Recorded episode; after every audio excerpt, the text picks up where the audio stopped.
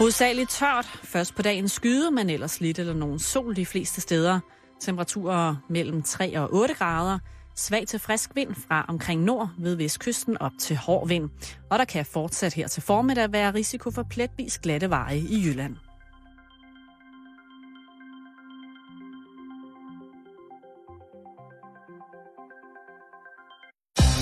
Lytter til Radio 24 /7. Danmarks nyheds- og debatradio. Hør os live eller on demand på radio247.dk. Velkommen i Bæltestedet med Jan Elhøj og Simon Jul. Velkommen til lytterne i øvrigt. Åh, oh, gud ja, undskyld. Det Nu var... når du gik i yo-yo-mode der i starten. Nå, Simon, hvad siger du? Hvad har du til os? Vi skal hvad har snakke, til øh, mig? starte med at snakke tatoveringer. Tatoveringer? Fordi... Du har er sådan- tatoveringer, jeg har ikke nogen tatoveringer. Nej. Du kender tatovører, jeg kender tatovører. ja. Der har i mange år været sådan noget med, hvad må man få tatoveret? Hvad vil, ta- hvad vil tatovørerne tatovere? Hvor må man blive tatoveret? Hvor må man blive tatoveret osv.? Mm. Og nu er der så også kommet rettigheder på motiverne. Eller der er kommet en diskussion om det. Politikken øh, kører den i dag, Ja. hvis man ikke vidste det. Og det synes jeg er rigtig, rigtig godt, for det rejser jo et spørgsmål, som efterhånden de fleste af os, som kan mm. nikke til, fordi de- der er rigtig, rigtig mange af os, der har en stor tatovering, eller der har en tatovering, om stor eller lille. Det er det- meget det- populært. Det her, det drejer sig om, at der er visse kunstnere, som har lavet tatoveringer på for eksempel medieprominente mennesker. Mm-hmm. Og de ser så deres kunstværker udstillet i henhold til reklamer på forskellige, i forskellige henseender. David Beckham, han har fået lavet en stor kunstfærdig tatovering, og den er åbenbart blevet eksponeret i en eller anden øh, reklame, Beckham har været med i, og det er, For nogle underbukser. Det kan være, det var det. Og det er tatovøren sur, over, fordi det var et enestående kunstnerisk stykke arbejde, som han udførte på David Beckhams sikkert meget, meget fine hud. Og så er der David Beckham-fans, som har lavet en kopi af den, og den kan de så kopiere ud fra nogle billeder. Er det sådan, det hænger sammen? Det kunne det sagtens være. Ja. Og det er Ligesom mange- med frisyrer. det er mange, øh, det er der så åbenbart øh, nogle tatovører, som er, som er rigtig, rigtig sure over. Men der har jo Mm. i mange år været regler om, hvad forskellige tatovører måtte lave. For eksempel sådan noget banderelaterede tatoveringer, det kan man altså ikke bare gå ind og få lavet. Hvad kan man kalde det? Ligesom man har på musik. copyright, Øh, ja, øh, sådan en Mhm. mm. Koda-NCB-afgift. Det vil tatovørerne godt have på deres kunstværker. ja i hvert fald øh, forskellige steder i forhold til i, i, verden. Ja. Nu øh, er der i politikken har lavet en fantastisk artikel omkring det, og de har faktisk spurgt Tatolis, god gamle Tatolis. Øh, Lis, hun er talsperson for uafhængig tatovør i Danmark, og hun er samtidig godkendt kunstner af staten. og hun er, altså Lis, hun er jo, altså hun er koldere end kold, hun er iskold. Ja. Så hun siger, prøv at høre, hun nyder bare, at folk er glade. Hun vil gerne have glade folk ind i butikken, men hun vil først og fremmest også gerne have glade folk ud af butikken, når de har fået lavet en eller anden form for... Og hver tatovering er jo en eller anden form for, for individuel kunst, som man ligesom bliver enige om. Jeg kan Et godt, unika. et unika, lige præcis. Og jeg kan jo godt forstå, at hvis der er nogen tatovører, som synes, at det ligesom er sådan helt vildt, at deres ting kommer... Altså, hun siger, hvis hendes ting kommer i avisen eller noget, så synes hun, hun bare Jamen, jeg tænker, at de det. skal da bare være glade for deres eksponering. Ja. Må Ja. ikke det giver nogle flere kunder i butikken, og på den måde får de vel også noget ud af det, i stedet for bare at sidde og sige, Øh, altså i Japan og i Kina for eksempel har der været, altså i Kina har der været fuldstændig forbudt at blive tatoveret, det har der også været i mange år i Japan, men der har der jo været, i, i Japan har der jo været sådan en ret lang tradition for, at det der hedder Yakuzaen, eller den etablerede underverden i Japan, har haft, har båret hele kropstatoveringer. mm. Og det er altså ikke noget, man bare lige øh, må gå hen og få lavet. Og mange, mange øh, hvad hedder det, natklubber og caféer og sådan nogle ting, og de ser gerne, eller de så gerne for 10 år siden, øh, da jeg var i Japan, der, der, at der ligesom, det går altså ikke at have, have tatoveringer ned til over hænderne eller sådan noget. Det skal man lige prøve at gemme lidt af vejen. Det er ikke, øh, det er ikke så velset, fordi nu, nu er det for så kunne, du komme ind på natklub i, i Japan? Nej, jeg havde kortærmet på. Øh, Nå, en, øh, en, Jamen, jeg øh, tænkte mere på... Øh, og det er faktisk ikke engang særlig mange år siden. Det tror jeg faktisk kun er fire år siden, jeg var jeg tænkte mere på din øh, etniske oprindelse, om den gav dig et fortrin der. Fordi jeg har jo prøvet at komme ind på... Jeg ville jo godt, da jeg var i Japan her for en 4-5 måneder siden, der havde vi en nat i Tokyo, og der ville jeg godt ind og synge øh, Yakogi. Altså karaoke, ikke? Ja. og øh, så tænkte jeg, det kunne være rigtig sjovt, ligesom Lost in Translation, at komme ind på sådan en karaoke-bar og drikke sig rigtig fuld med nogle rigtig glade japanere og synge Archer's Call to Say, du ved, og så videre. Mm. Men alle steder, vi prøvede at komme ind, Simon, der sagde de Japanese only. ja. Men hvem, er, er der nogen, altså, er der nogen navne på de her tatovører, der vil have afgift? Ja, altså ham kunstneren, der havde lavet øh, tatoveringen på David Beckham, Ja, Han ville godt have en erstatning på omkring 300.000 dollars. ja selvfølgelig. Øhm, og det, Der sker jo ikke noget ved at prøve. Nej, og der, det stod ikke, øh, det kan man ikke finde på politikken, det kan man finde, hvis man går ind og søger på forskellige tatoveringshjemmesider om, hvad, hvad det ligesom er gået ud på. Så er der de her kæmpe store øh, fjernsynsprogrammer, som hedder et eller andet med LA Inc. I Danmark har vi Tattoo-salongen. Altså, der er jo ikke nogen af dem, der sådan ligesom bekriger, at deres motiver er i fjernsynet. Nærmere tværtimod, det er jo en kæmpe, kæmpe, kæmpe stor gave rent reklamemæssigt. Og jeg synes mm. altså, jo flere folk, der bliver tatoveret, jo finere synes jeg, det er. Øh, og der er jo masser af dumme tatoveringer, og der er masser af... Det er der. Ja, og der, og jeg, jeg tænker bare, der må Jeg også være... husker ikke uh, gamle tatoveringen, der var en pige, der fik lavet på lovet. Der ligger på YouTube, Simon, må se, om hun får lavet den. Hvem siger din pige? Øh, det er jeg ret sikker på, det er. Og jeg er også ret sikker på, at på et eller andet tidspunkt, Hvis jeg nu lige trækker bukserne måske allerede øh, for et par uger siden, så har hun nok fortrudt den tatovering. Hvad nu hvis, at man tog patent på altså placeringer af tatoveringer? Lendtatoveringen, Amagerpladen, Ja, Ishøjstemplet, tramp stamp. hvad, trampstampet, hvad... Hvis man havde lavet, fået lavet sådan en lille fedtet tribal hen over lænden som mand en gang i slutningen af 90'erne, Jeg, har faktisk, jeg tror faktisk, at når jeg, når, øh, at du har en. når jeg er 80, så vil jeg lave en øh, fotobog med Amager-nummerplader på, fra 80 år i, hvor man simpelthen tager et billede af deres lænd. Jeg er glad for, at man i Danmark ligesom ikke mm. tager patent på det. Og hvis din tatovør, hvis du sidder derude nu med en helt bart lærred, hvis din krop den er helt jomfruelig og helt mælkeagtig, og du sidder og tænker, nu skal jeg satse med have lavet den der store, kæmpe, kæmpe store pony på hoften. My Så- Little Pony. Ja, så bare altså, sørg for, at uh, du kan tåle farverne, og det er Simon Jules uh, tatoveringsleksikons info igen. Altså, sørg for, at du kan tåle farverne. Tatovøren, han er din ven, det er ham, der skal... Du må gå frem og tilbage til ham med tegninger, og han kan tegne, han kan prøve at tegne op og, mm. og overføre til dig. Du skal være helt sikker på, at det er det. Og så er det sådan, det er bare. Det er for livet. Du lytter til Bæltestedet på Radio 24 /7. Jeg synes lige, du skal høre et lille stykke uh, lyd, som jeg har her. Ja, tak. Magnus her, nå kommer han og setter seg. Am- Norske ambassadøren i India er også til stede her. Hei sann. Tusen takk for en fantastisk opplevelse. Jo, det har vært eh, kjempemessig for meg òg. Du, du har altså holdt hele Norge eh, fjetret til å både lære seg sjakkregler og følge med. Og det har vært en fantastisk prestasjon, altså. Jo, ta takk for det. Altså. Og så må jeg si at eh, Du er sikkert litt sliten. Jeg går ut ifra at man blir sliten av å holde på så intensivt. Men eh, eh, du må huske at hele Norge har nå heiet, og vi er kjempeglade for at du har brakt så mye oppmerksomhet til Norge også. Og så har, eh, har du brakt utrolig mange ungdommer til kjøkken de siste ukene. Det betyr at det kommer til å få utrolig mange konkurrenter i årene som kommer hjemme. da.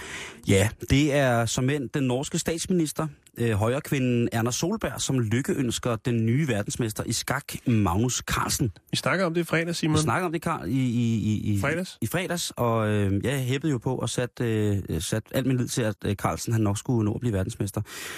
Og der var der gik bølgerne nu højt i den norske presse. Mm. Men nu, Jan, Efter. ah, men det er sprunget helt i luften.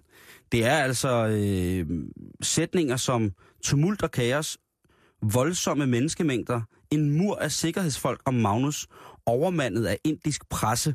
Altså, det er ikke sætninger, man normalt hører, er slet ikke når man læser, læser om presse. skak. Jeg plejer at læse det der lille skaknotits, der er i politikken, hvor der er sådan en lille billede. Og så er Findes der, det stadigvæk? Jamen altså, så er det bare gamle aviser, jeg læser. Men hvor, eller man må gå på nettet, eller lige tage et lille spil skak på sin telefon, eller sådan nogle ting, og sager. Skaknyt. Men her, der sidder, øh, der sidder den norske statsminister altså, Mm. og fortæller, at aldrig har der været så mange folk, øh, unge mennesker, der har meldt sig ind i skakklubber. Alle folk snakker skak i frokostpausen. Alle folk snakker skak på arbejdet. Alle folk, altså, Så det er en regulær skakfeber. det er en skakfeber, eller det hedder, som de siger på norsk, skakbacillen. Altså skakbakterien, Ja. skakvirusen har grebet. Og jeg må jo indrømme, at øh, følger du meget med i skak, Jan? Ej, det- jeg vil sige, Du har gjort det er ikke der, jeg lægger så meget af min energi. Det vil jeg da ærligt indrømme. Jeg sad i dag efter, du fortalte mig den her fantastiske nyhed. Ja. Øhm, og tænkte, om jeg kunne finde nogle øh, virkelig, virkelig øh, dårlige skakvidigheder. Øh, men de, de er meget seriøse, de skakvidigheder, der findes, Simon. Er det det? Ja, de var ret skakket. Øh, skakket, skakket gangart. Men jeg tænker, nu der bliver så stort, så kommer der vel nogle efterdønninger, ikke? Nu skal du lov til at Jo. producere øh, skakbrædder i de norske farver. Der kommer sikkert også skakkagen og alt muligt med skak. Kunne jeg forestille mig. Hvis det er så vildt, som de siger. Det var, Jamen, en inder, øh, det var en inder, han øh, var op imod, ikke? Jo, men det var det. det Og var derfor øh, var det den indiske presse, som øh, overfaldt ham bagefter. Det var det. Men jeg har jo ikke så meget forstand på det, så derfor så har jeg tænkt på, at vi skulle ringe til en, som måske havde lidt mere forstand på det. Hvem kunne det være? Ja, det er spændende at vide. Det kunne fx være Thomas Vestergaard. Thomas Vestergaard. Bum bum. Thomas, det er Simon og Jan fra Bæltestedet. Ja, hej. Hej så. Du er nyhedsredaktør på øh, øh, sk- hvad hedder det, Dansk Skak Unions hjemmeside. Det er jeg. Og øh, vi, er jo, øh, vi er nogle stykker, som måske ikke føler så meget med i skak som dig. Øh, øh, hvad hedder det? Men til gengæld så er vi også, øh, eller så er jeg også meget, meget benådet over det. Nu fortalte jeg lige Jan, hvad, hvad de forskellige tillægssætninger har været omkring øh, at beskrive euforien i forhold til Magnus Carlsens skakverdensmesterskab. Øh, og da vi snakkede lidt i, i tidligere dag, der, øh, der nævnte jeg også, øh, altså tumult og kaos, voldsomme menneskemængder, menneskemængder, en mur af sikkerhedsfolk og overmandet af presse. Det er jo normalt ikke ting, som man forbinder, altså en eufori Det lyder- omkring skak. Det, det lyder mere som en Justin Bieber-koncert, ikke? Jo, men det er sjovt, du nævner Justin Bieber, fordi vi kalder, eller der er flere indiske aviser, norske aviser, der kalder Magnus Carlsen for skakkens Justin Bieber. øh, vi har, I Dansk Skakunion, så har vi en uh, udsendt medarbejder nede og følge matchen her de sidste par partier, og han skrev hjem i går til os, at øh, på fridag han lavede rundt at se, og der er et af de steder, hvor man trykte idolplakater, der var det Magnus Carlsen og Anand, der var på de her plakater, man, man, øh, der blev trykt. Så, så det er en helt, det er en, øh, en, øh, en rockstjerne værdig, den måde, som det bliver behandlet på. Og i Norge er det jo, Norge er jo også gået helt, øh, helt- grassat. Ja, det er jo- har det er set alle partierne øh, direkte i øh, landsdækkende tv, og det er jo ikke noget, vi er vant til i, inden for skakken, at der er så stor interesse. Og, og den, altså, det, øh, engelske aviser øh, med store indiske læsertal øh, skriver, øh, overskriften har lige fundet øh, New World Order med et stort billede af Magnus Carlsen på. Altså en ny, en ny verdensorden. Øh, Ja, og så, det, og så altså, for inderne, der er det, for inderne, der er det kongen af skak, Anand, der er abdiceret her efter matchen, så det nye konge af skak, det er, er Magnus Carlsen. Okay. Og han er kun øh, 23 år, så det kan være mange. Han kan være konge i mange år endnu. Og, og Magnus selv, han tager det stille og roligt. Lige inden vi øh, fik dig igennem, der, snakkede, der spillede vi et klip af, af Magnus, der snakker med den norske statsminister øh, på Ja. Skype, øh, hvor hun ligesom fortæller, at, hun, at han nu har skabt en form for armé af unge skakspillere derhjemme, så når han kommer hjem, så skal han sikkert gå i træning, fordi så vil der være mange frygtelig gode skakspillere i, i Norge. Ja. Øhm, Ja. og, og, og altså, den er, den er kørt på den, på, den, på den helt store klinge med, med skak i, i de norske aviser. Ikke? Men for lige at sætte det lidt i perspektiv, hvem er det, Magnus han har slået i skak, ham her, Indran Anand? Ja, altså Anand har været verdensmester siden 2007. Og op. Anand, han, han overtog ligesom skaktronen, øh, efter at Kasparov, der ellers havde siddet på den i mange år, at han trak sig tilbage allerede som 42-årig. Mm. Det gjorde han i øh, 2002.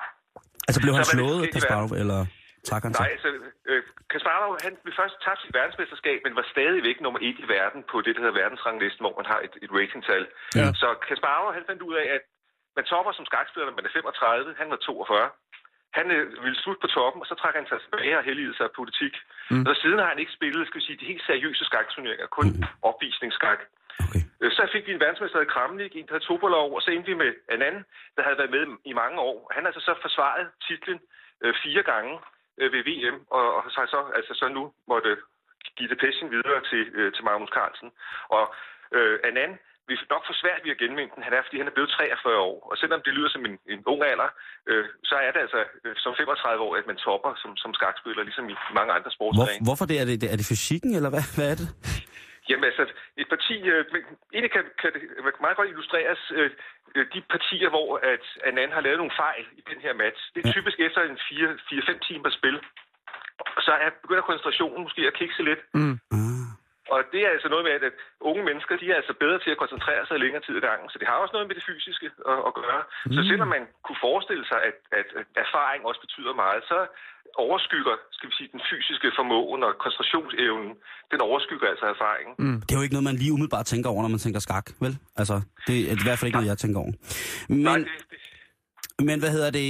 Hvem er så ham her Magnus, som får Anand til at abdicere? Ja, så Magnus Carlsen, han er jo 23 år, og han øh, er født lidt uden for, eller har boet lidt uden for Oslo, i, øh, og meget tidligt øh, fandt ud af, at han var et ekstraordinært talent. Ja. Men første gang, jeg mødte ham, det var i øh, 2002, hvor han spillede øh, juniorlandskamp øh, for Norge mod øh, blandt andet Danmark og Sverige her i Aarhus. Mm. Og der sagde de allerede, den norske træner, at ham her, ham skulle vi passe på, og han skulle ikke pæses for meget frem, og vi skulle øh, ikke øh, gå for hårdt til ham, fordi han øh, bliver til noget en dag, så ham skulle han passe på og beskytte lidt. Ja. Jeg tror, noget han havde brug for. Men det viser meget hurtigt. Det har han at- nu, at- kan man sige. Nu har han fået bodyguard. han, nu har han fået bold, nu har han brug for beskyttelse, når der, der, bliver kaos på, på pressemøderne. Altså, i Øh, to- Men det var i 2002, der var han så 10-11 år der. Mm. Og så 12, har ikke, hvis han er 23. Ja, og så har han så spillet heldigvis øh, flere gange efterfølgende i Danmark også. Øh, og, og vi er jo lidt glade for, at han har spillet i Danmark, fordi det bliver nok lidt svært at få ham til at spille så færdig meget fremover. Mm. Fordi han er oppe i en liga nu, hvor der skal øh, de store tegnebøger frem og de store sponsorer, før det, Ja. ja. man kan få ham til at spille. Har, har Danmark en finger med i spillet her? Det har vi, øh, og vi har faktisk en finger med både på den ene og den anden side af den her VM-match, fordi Nå. de sidste fire øh, VM-matcher, der har Peter Heine Nielsen, Danmarks bedste skakspiller, han har været træner for en anden.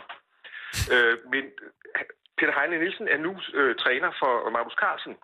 Dog i den her, i den her match, der øh, havde Peter Heine sagt for længe siden, skulle der de to mødes, så holder jeg ferie. Jeg kan ikke være bekendt først at støtte den ene og så den anden. Så der holder han sig helt neutral. Og har blandt andet været i Danmark og kommentere, øh, hvad hedder det, øh, matchen for i fjernsynet og på, på internet, eller hvad ved jeg. Ja. Så, så han holder sig helt neutral. Øh, men fremover, så skal øh, Peter Heine Nielsen st- stadigvæk være træner for, for Magnus Carlsen. Det er jo kæmpe stort i Ja, virkeligheden. det synes jeg da.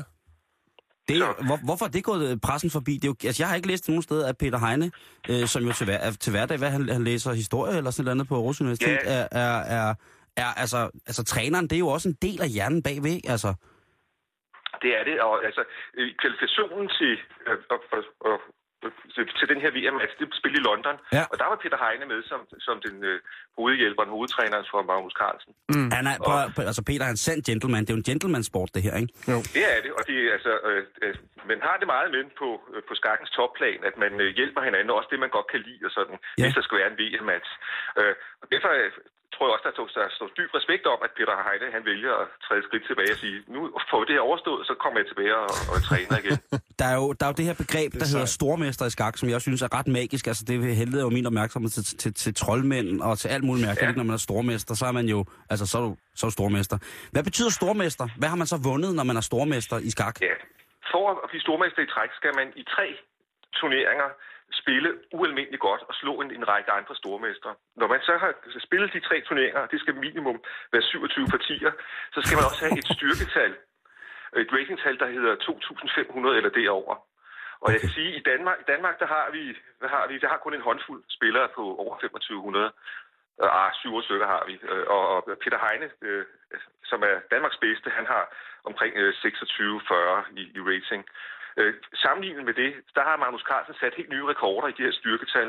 Han er helt oppe at have 28-70, og det er øh, 50-60 point bedre end nummer to i verden. Så han er helt, helt exceptionelt bedre end, end øh, de, de næstbedste. Wow. Øh, Den tidligere verdensmester Kramnik, jeg, jeg nævnte før, han Ja. ja.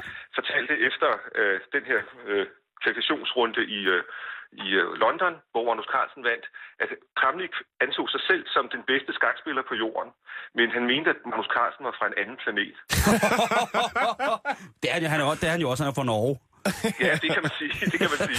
Og, så, så derfor øh, øh, kan man sige, at det, man kan frygte lidt, at der er Carlsen, og så er de andre i mange år endnu. Okay. Hvis han nu vælger at gå sige, spille 20 år endnu, hvad vi da håber, han gør. Ja. Så, men der er, i skak kan der komme mange nye talenter, og øh, nu kan I se interessen i Norge øh, og i Indien. Altså pludselig så affølger sådan en VM-match at en masse øh, mennesker begynder at spille skak.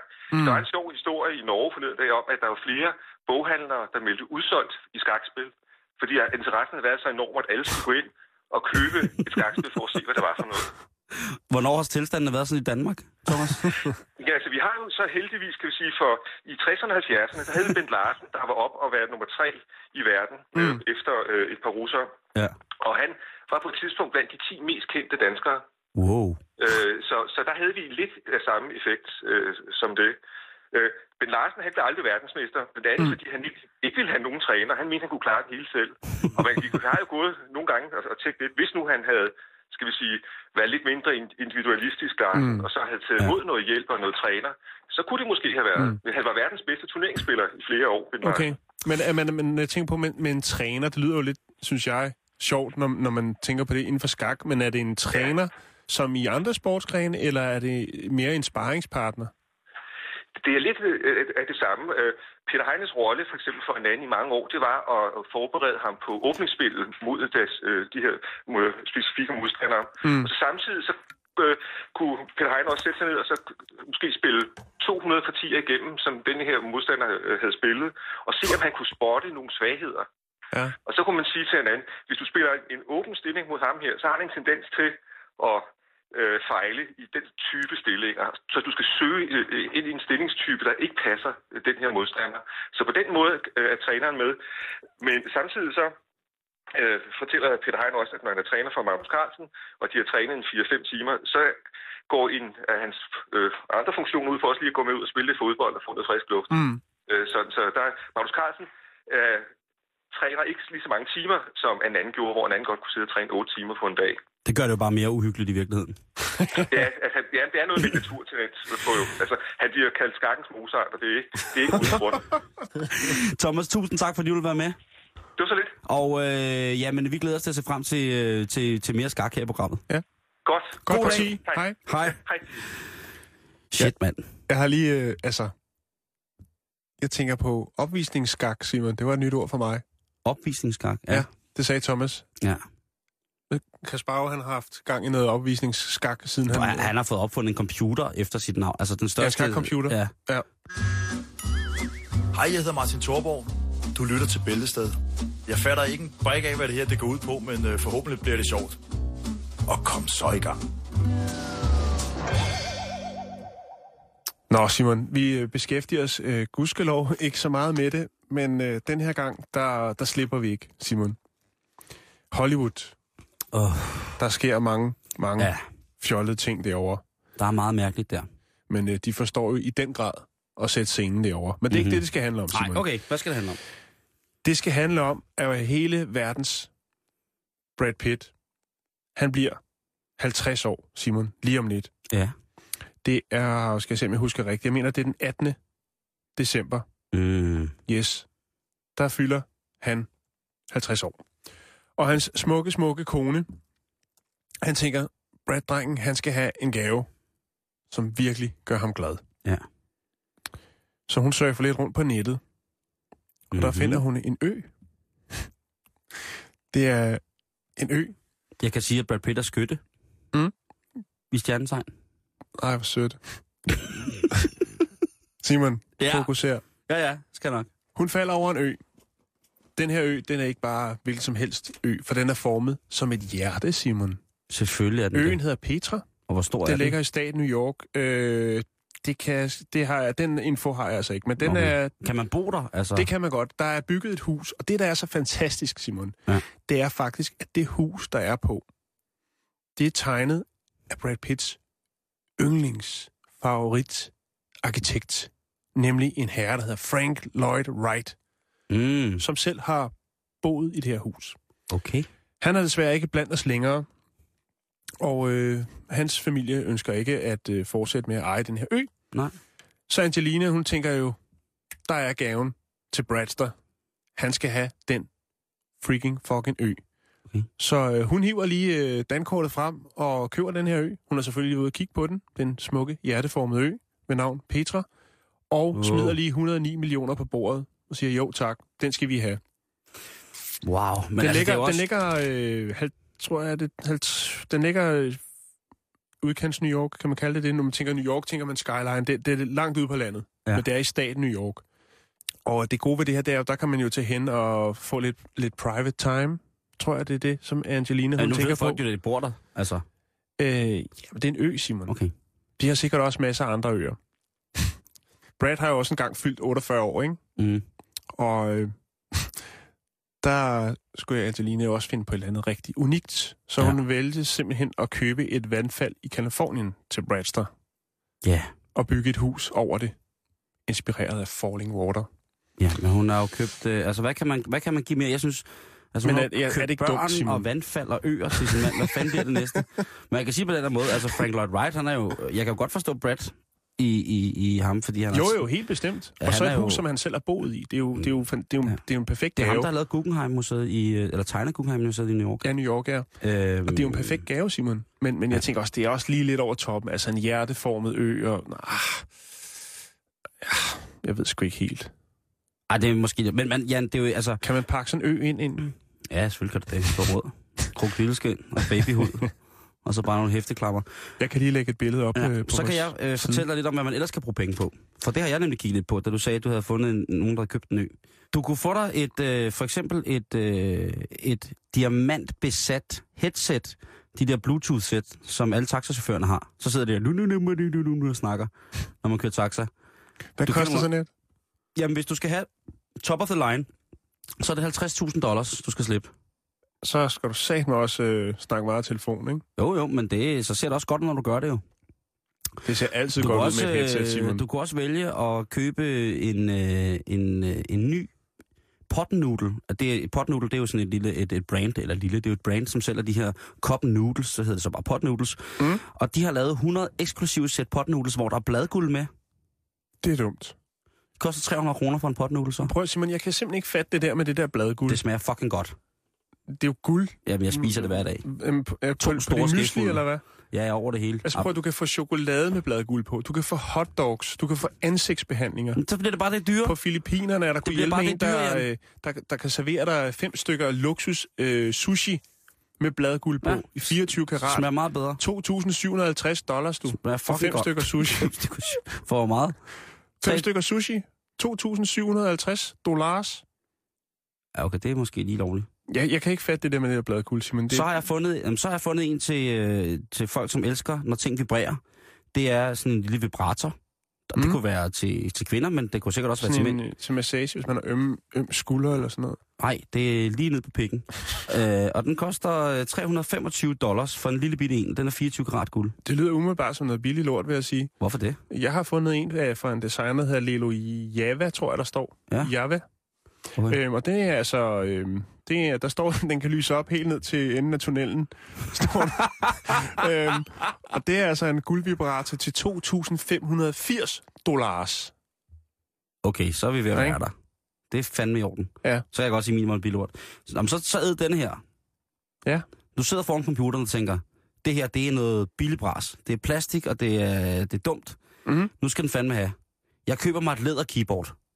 Et læderkeyboard. Yes, så til, går det til fabrikanten Gokukawa. Gokukawa. Gokukawa. Mm. De har lavet et læder keyboard, som man kan købe for 603 dollars. Altså det er cirka 3.600 kroner. Det lyder egentlig meget luksus med et læderkeyboard. Jeg. Jamen, øh, det er også... De, de skriver selv, at det er noget, man må have, hvis man er fuldstændig vild med, øh, med lædermøbler.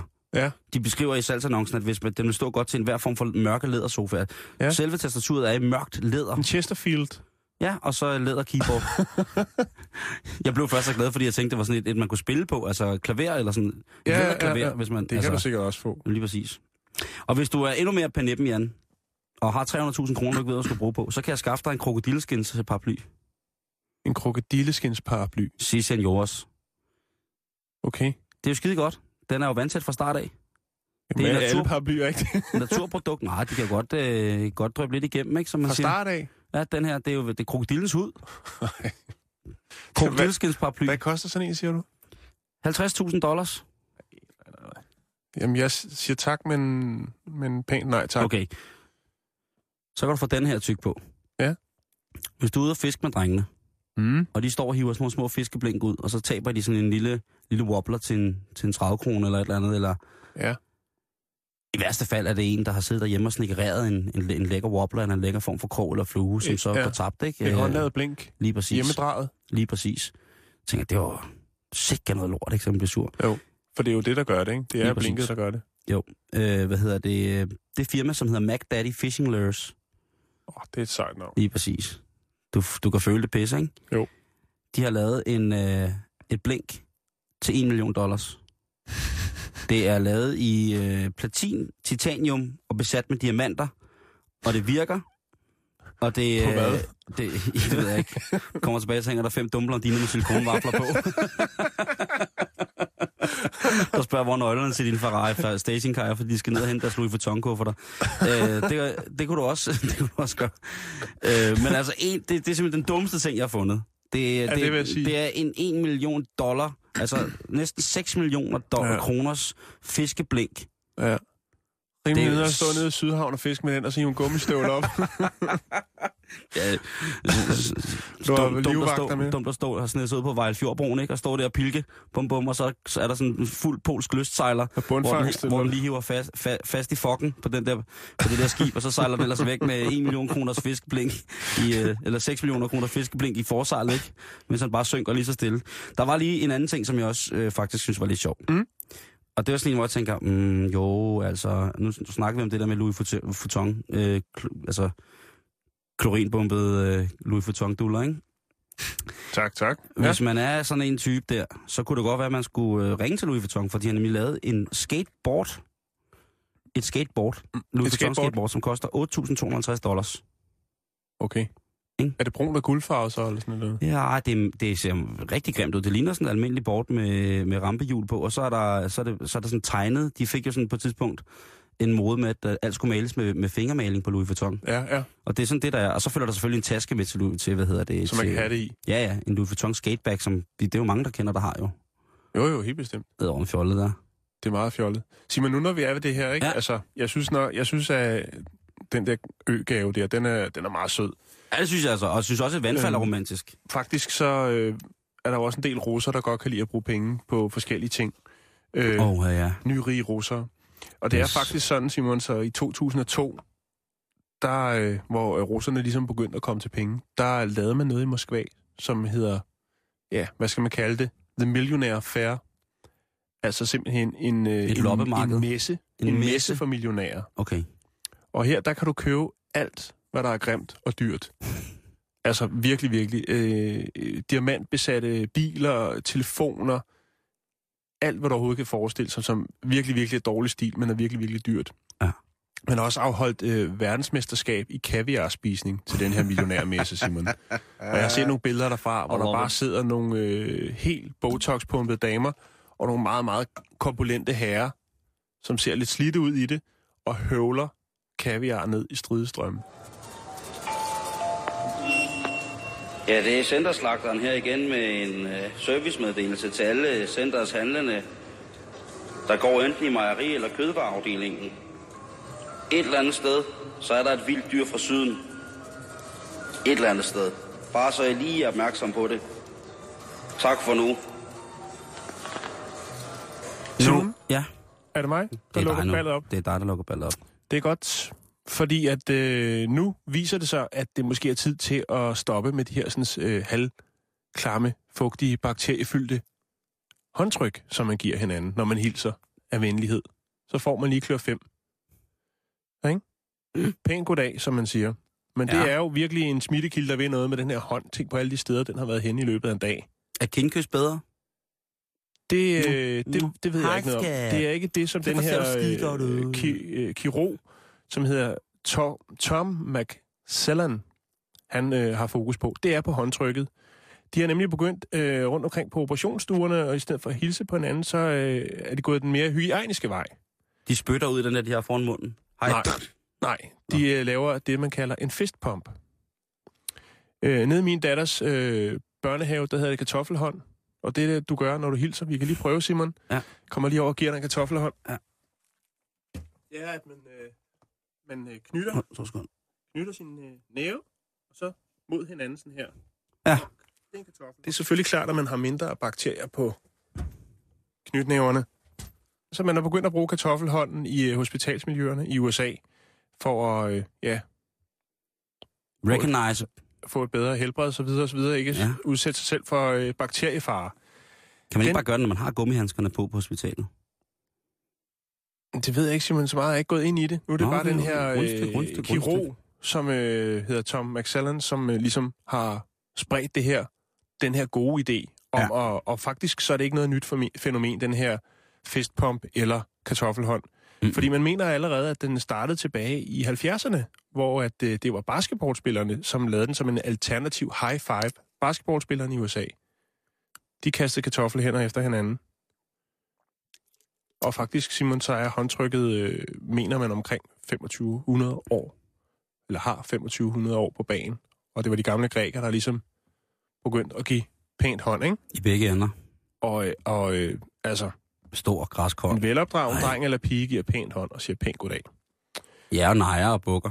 Ja, men Simon, der er faktisk andre, græske hånd. der er faktisk andre øh, store stjerner, kendte mennesker i hele verden, som bruger kartoffelhånden.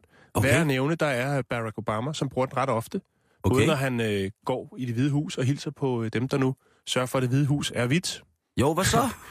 så får de en kartoffelhånd. I'm the black dude in the White House. Hvad så der? Øh, Kartoffelhånd. Men hans forgænger, præsident Bush, Mm. han brugte også kartoffelhånd. Der findes billeder på nettet af det. I'm the stupid dude in the White House. Kartoffelhånd. Der er også øh, Beyoncé og Jay-Z. Åh, Der ja. findes et billede, hvor de lige giver hinanden en kartoffelhånd. Prince Er det Charles. sandt, at de skal skilles? Jeg ved det ikke, Simon. Jeg løber ikke med sladder. Om jeg snakker bare med Beyoncé i går, hun sagde mig. Ej, okay. Nå, fjollet. Ja, det er fjollet. Men altså, øh, Prince Charles, han øh, smider også en kartoffelhånd, øh, når han møder... PC? Når han, ja, når han møder, øh, når han møder pøblen, så smider han kartoffelhånd. Jeg kan lige smide et, øh, et billede op af Prince Charles, der fyrer en, en kartoffelhånd til... Så det er, vi taler om, at bakteriebevidstheden nu er gået så langt, så at, øh, at kartoffelhånd, det bliver det måske det nye officielle håndtryk. Ja. Og jeg forstår, altså, der er, også, der er jo mange lande, hvor man giver kindkys. Ja, der, der, den er der ikke lavet noget på endnu. Jeg ved heller ikke, hvad alternativet til kindkys det skulle være, Simon. Det kan jeg ikke lige... Øh, Det er et sommerfuglkys. eller luftkys? Ej, det er nok... Og fingerkys. Fingerkys? Fingersut. Nej, så er vi jo... Det er hånd- jo hånd- så kan det næsten ikke blive mere... Håndsut. Hele hånden i.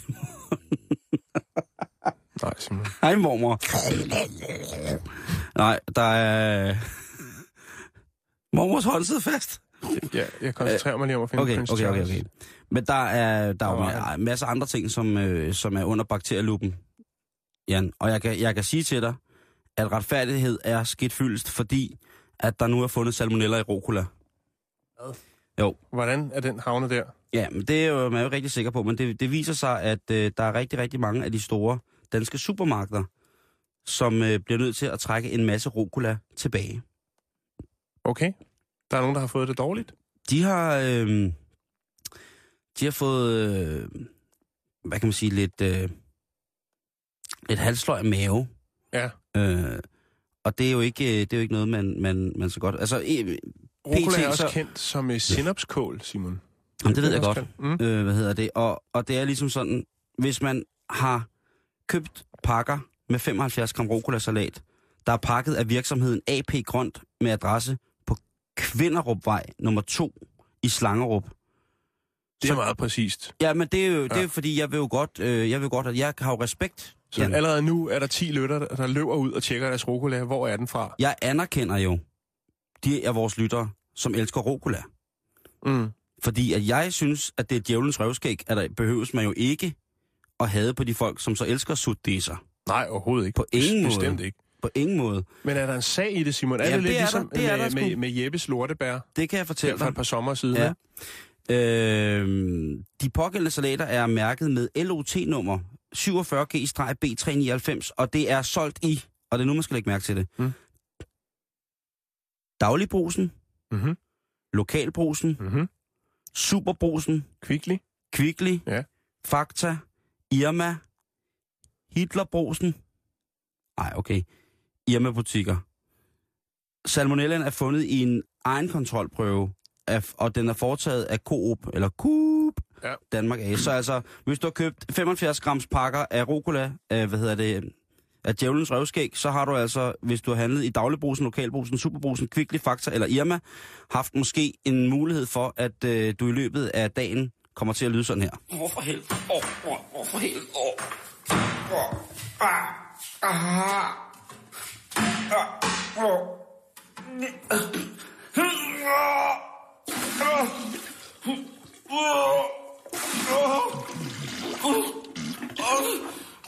Oh.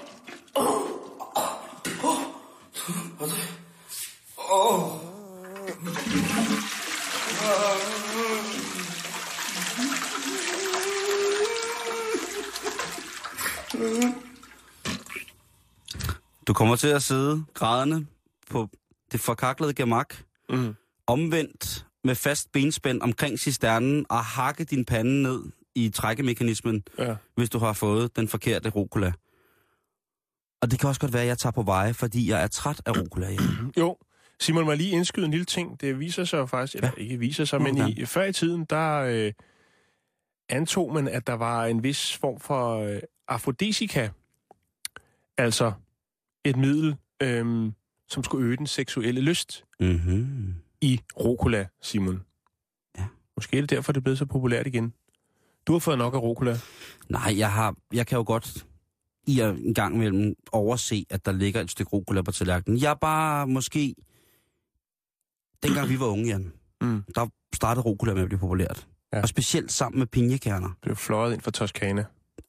Det tror jeg så ikke. Jeg tror, det blev kørt i lastbiler i tønder med atomaffald fra Holland. Og det kom så ind på, øh, hver gang man skulle ud og flotte sig lidt, Mm. og tænkte, nu tager jeg sgu lige en, øh, en caféburger. Så kom det jo sovset ind i pinjekerner og rucola, og man vidste, man vidste nærmest mm. ikke, hvad der var op og ned på tallerken og bord, fordi det hele, og det var jo eksklusivt, så det var ligesom om, at alt blev eksklusivt, hvis der kom rucola til. Mm. Uha pesto. Rucola pesto. Ja, så det var enormt lækkert lige pludselig. Mm. Nej, det var sådan bare lidt bittert. Mm. Men jeg hoppede på den. Det er skæbnen, der siger til Coop nu, prøv at høre, hvis I ikke strammer op omkring kvaliteten i jeres rucola, så, så får folk skidesyge. Er det for voldsomt? Mm, nej, det er jo sandt nok. Synes jeg, Simon. Mm. Det er jo kunne- det. Jo, altså, og det, det, det er bare det, jeg, jeg, jeg tænker, at, at det, retfærdigheden skal fyldes nu her op til, til julemåned, hvor man jo ikke rigtig skal bruge rucola til noget, fordi det er jo nok så langt fra rucola-sæson, som det næsten kan Mm. blive. Og så er jeg bare... Så synes, Risalamande med en dejlig rucola pesto. Ja, risalamang. Hmm? Ordentlig gang risalamang med, med rucola pesto på.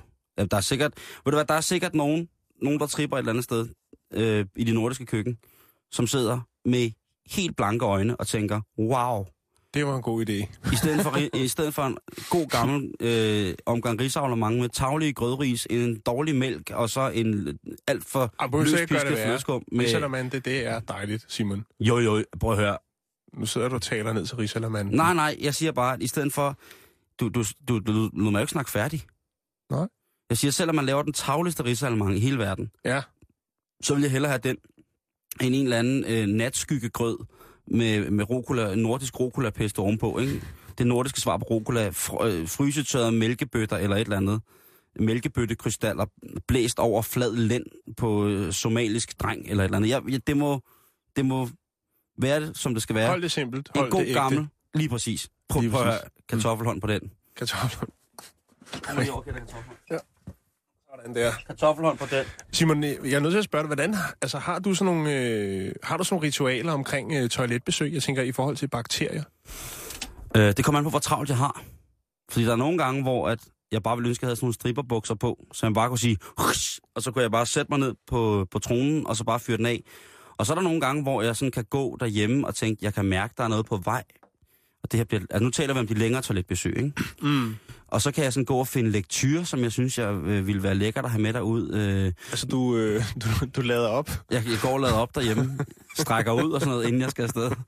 Sørg for, at lægmusklerne er, at der er nok blodomløb, så de ikke kramper op på, på visse strategiske tidspunkter ja. I besøget.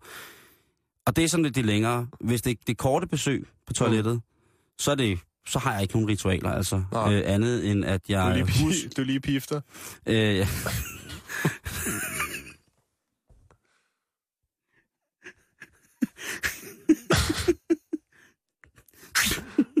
Så skal I fandme se noget sjovt. Bare lige for at vide, finde ud af, hvad der er op og ned. Ja. Nej. Nej, altså, jeg prøver for så vidt at huske at vaske hænder. Ja. Det er faktisk også Det det, må jeg sige. Jeg Jeg, er jo, jeg er jo ret... Øh, Jamen, Jeg du er det mest hygiejniske menneske, jeg kender.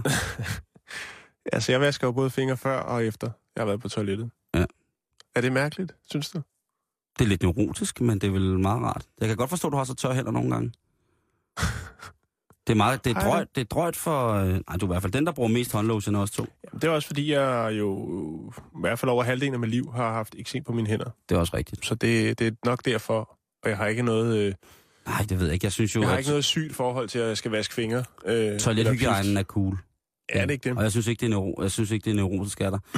Tak, øhm, og jeg er ret glad for, at du engang med lige retter mig og siger, når jeg har bør- børstet mm. tænder, at jeg så har lagt min tandbørste ved håndvasken og ikke stiller den op i de krus, der står oven på tørretumbleren, som er lavet til det at Ja. stille tandbørste i. Det er rigtigt, sagde jeg til dig sidste uge. Ja, og det er jeg faktisk ret glad for. Ja. Øh, men det var også øh, det der med, at tandbørster skal jo slet ikke stå på toilettet, hvis det stod til Det bakterier. skal stå inde i et lukket skab i Ja, hvert fald. om det skal andet. stå i et springfast skab, øh, mindst 6 km fra der, hvor der bliver børstet tænder. Mm. Det er et helvede. Jan, kender du det produkt, der hedder Grafen? Grafen? Mm. Nej. Er der noget grafisk? Nej, men det er, øh, det er sådan et nyt materiale, som er blevet, blevet fundet af to Nobelprisvindere rent faktisk. Øh, Hvordan fundet? Opfundet eller fundet? de blev fundet ved en tilfældighed rent faktisk, øh, øh, fordi de sad og legede med noget grafit. Okay. Jeg er ikke helt inde i, hvordan det helt var, men øh, i hvert fald så... Vi riser kun i overfladen her, Ja. ikke? Vi går ikke helt i dybden med grafit. Og Og det kan vi godt. Altså, det, jeg tror, altså, de, det var Nobelprisvinderne Andrei Gaidem og Kostja Novoselov. Ja. Novoselov, som fandt det her materiale, da de sad og øh, kørte, legede med noget grafit og noget tape, og så fandt de ud af, at jamen, altså, det her, det kan, det her materiale på en eller anden måde, det kan være helt fantastisk til mange ting. Mm-hmm. Og det, der er ved det, det er, at det er verdens tyndeste materiale. Ja. Øh, det er kun, altså som øh, materiale, er det et kulstofatom tykt. Er du med? Det svarer altså, hvis du skal have tykkelsen på et papir, så skal du lægge 300.000 flager af det her materiale oven på hinanden, før du opnår... hvad Tykkelse hedder- på papir. Det er ret vildt. Det er Øh, øh, tynde hvis man ikke ved, hvor tykt et kulstofatom er, så er det 0,34 n- nanomillimeter, Mm. tror jeg, det hedder. Øh, så det er altså ret tyndt. Så er det gennemsigtigt. Øh, det er så tyndt, at kun 2,3 procent af lyset absorberes i grafen. Så det vil altså sige, at man kan se fuldstændig igennem det. Mm. Så er det uigennemtrængeligt for gasser. Altså gaspartikler. Så selv de mindste gasmolekyler kan ikke trænge igennem det her materiale. Det er, det er et fantastisk materiale, ikke? Det tør der siges. Øh, det er super stærkt. I forhold til sin tykkelse er det faktisk 200 gange stærkere end stål. Hold da op. Og så så, er det hvis man- elastisk, eller hvad? Jo, altså hvis du... Øh, nej, det er det ikke. Hvis Nå. man bygger en hængekøje på 1 kvadratmeter, Ja. altså af et kvadratmeter, hvis man har råd til at udvinde et kvadratmeter stort stykke grafen, Ja. så kan det bære en 4 kilo tung kat. Altså det er et lag, ikke? Jo, jo, jo. Øhm, Så fint, så tyndt et lag. Ja, og det er vel at mærke, altså, så, og det er, at altså, he, hele grafstykket vejer mindre end en af kattens knorhår.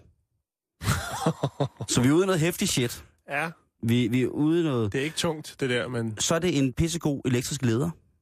Øh, grafens todimensionelle struktur gør, at elektronerne bevæger sig så let imellem kulstofatomerne, at grafen leder elektriciteten bedre end for eksempel kover.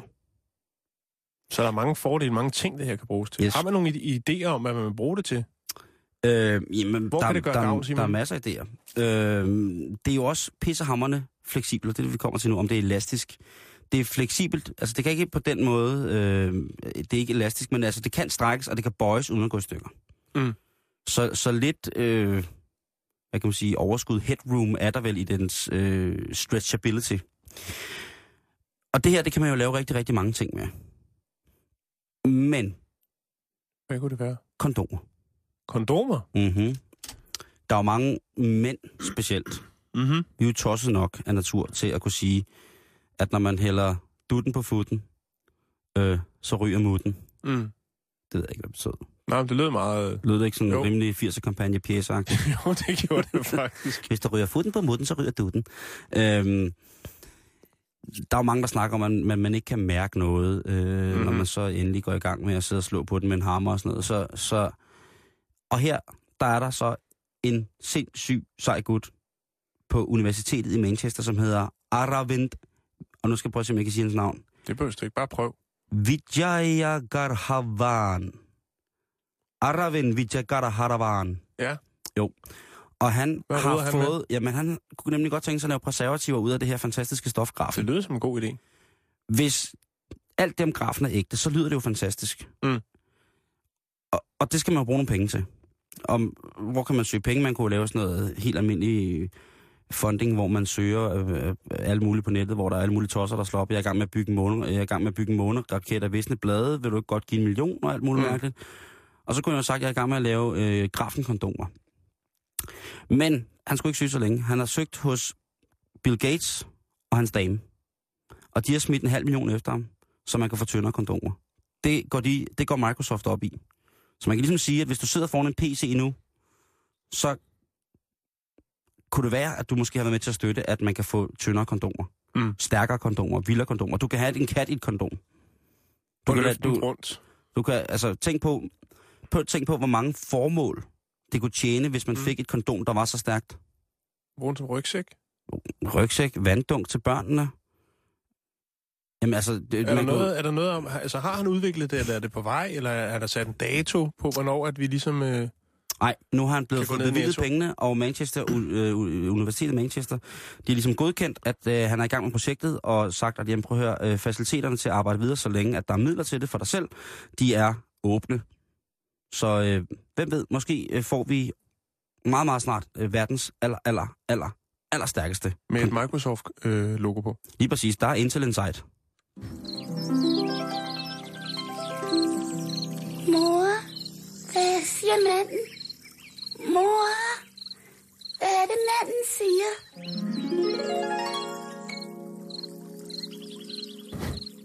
Hvad siger manden?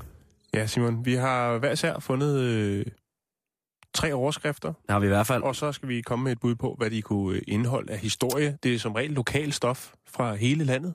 Ja, men øh, jeg har taget lidt verdensstof med i dag. Har du det? For, jamen, det var fordi, det var så stærkt, at jeg ikke kunne lade det ligge. Jamen, øh, så får du lov til at lægge ud, den her. Okay. Overskriften er, en bullshitters bekendelser. En bullshitters bekendelser. Og kunne det have noget med en lidt sen udgave af Makrallens biografi om hans liv øh, i rockerklubben Bullshit, fortalt gennem øh, mediet John Willund? Nej, det er desværre ikke. Det kunne det handler om, at... Øh, jo, det kunne være sindssygt spændende, hvis han ligesom havde fået fat i ham. Det er øh, en professor, øh, emeritus i filosofi fra Princeton Universitetet, øh, hvad hedder det? Åh, oh, det var internationalt selvfølgelig. Ja, Heike i Frankfurt, som har videt en hel bog til at beskrive fænomenet. Og han mener, at der er alt, alt, alt for meget bullshit omkring. Altså folk, de snakker. Og røven sn- går. Snakker og røven går. Og, det, ja. det, og så har Rasmus Bo Sørensen for Information, den dejlige journalist, han har skrevet en artikel om det. Med at, øh, og han har skrevet sådan, vi ser lidt nyheder, så vi kan sige, at den stærke ved jeg Hassan er hans autentiske stemme, eller vi ser lidt nyheder, så vi kan sige, NSA-skandalen er virkeliggørelsen af George Orwells vision. Mm. Og så siger jeg bare ja, eller så uddanner vi os som journalister og starter på information og tror, at vi bullshitter meget mindre end alle andre. og det, øh, det er ligesom det, det, det er en Jo. sjov, sjov artikel, men jeg tror, det er, en, det er en ret god bog, og han har nogle ret sjove pointer. Han er ret sjov, ham der professoren. Øh, der Hvad er hedder bogen? Den hed? Øh, den hedder øh, Bullshit. En bullshitters bekendelser. Mm. Det var sådan, det var. Ja. Den skal jeg da helt klart lige tjekke. Øh, og øh, det, er- det er det. det er Det er det. den overskrift. Hvis jeg siger årets veninde 2013, hvad siger du så? Årets veninde 2013. Kunne det være Per Stig Møller, der hensyder til Anders Fogh Rasmussen? Uh, nej.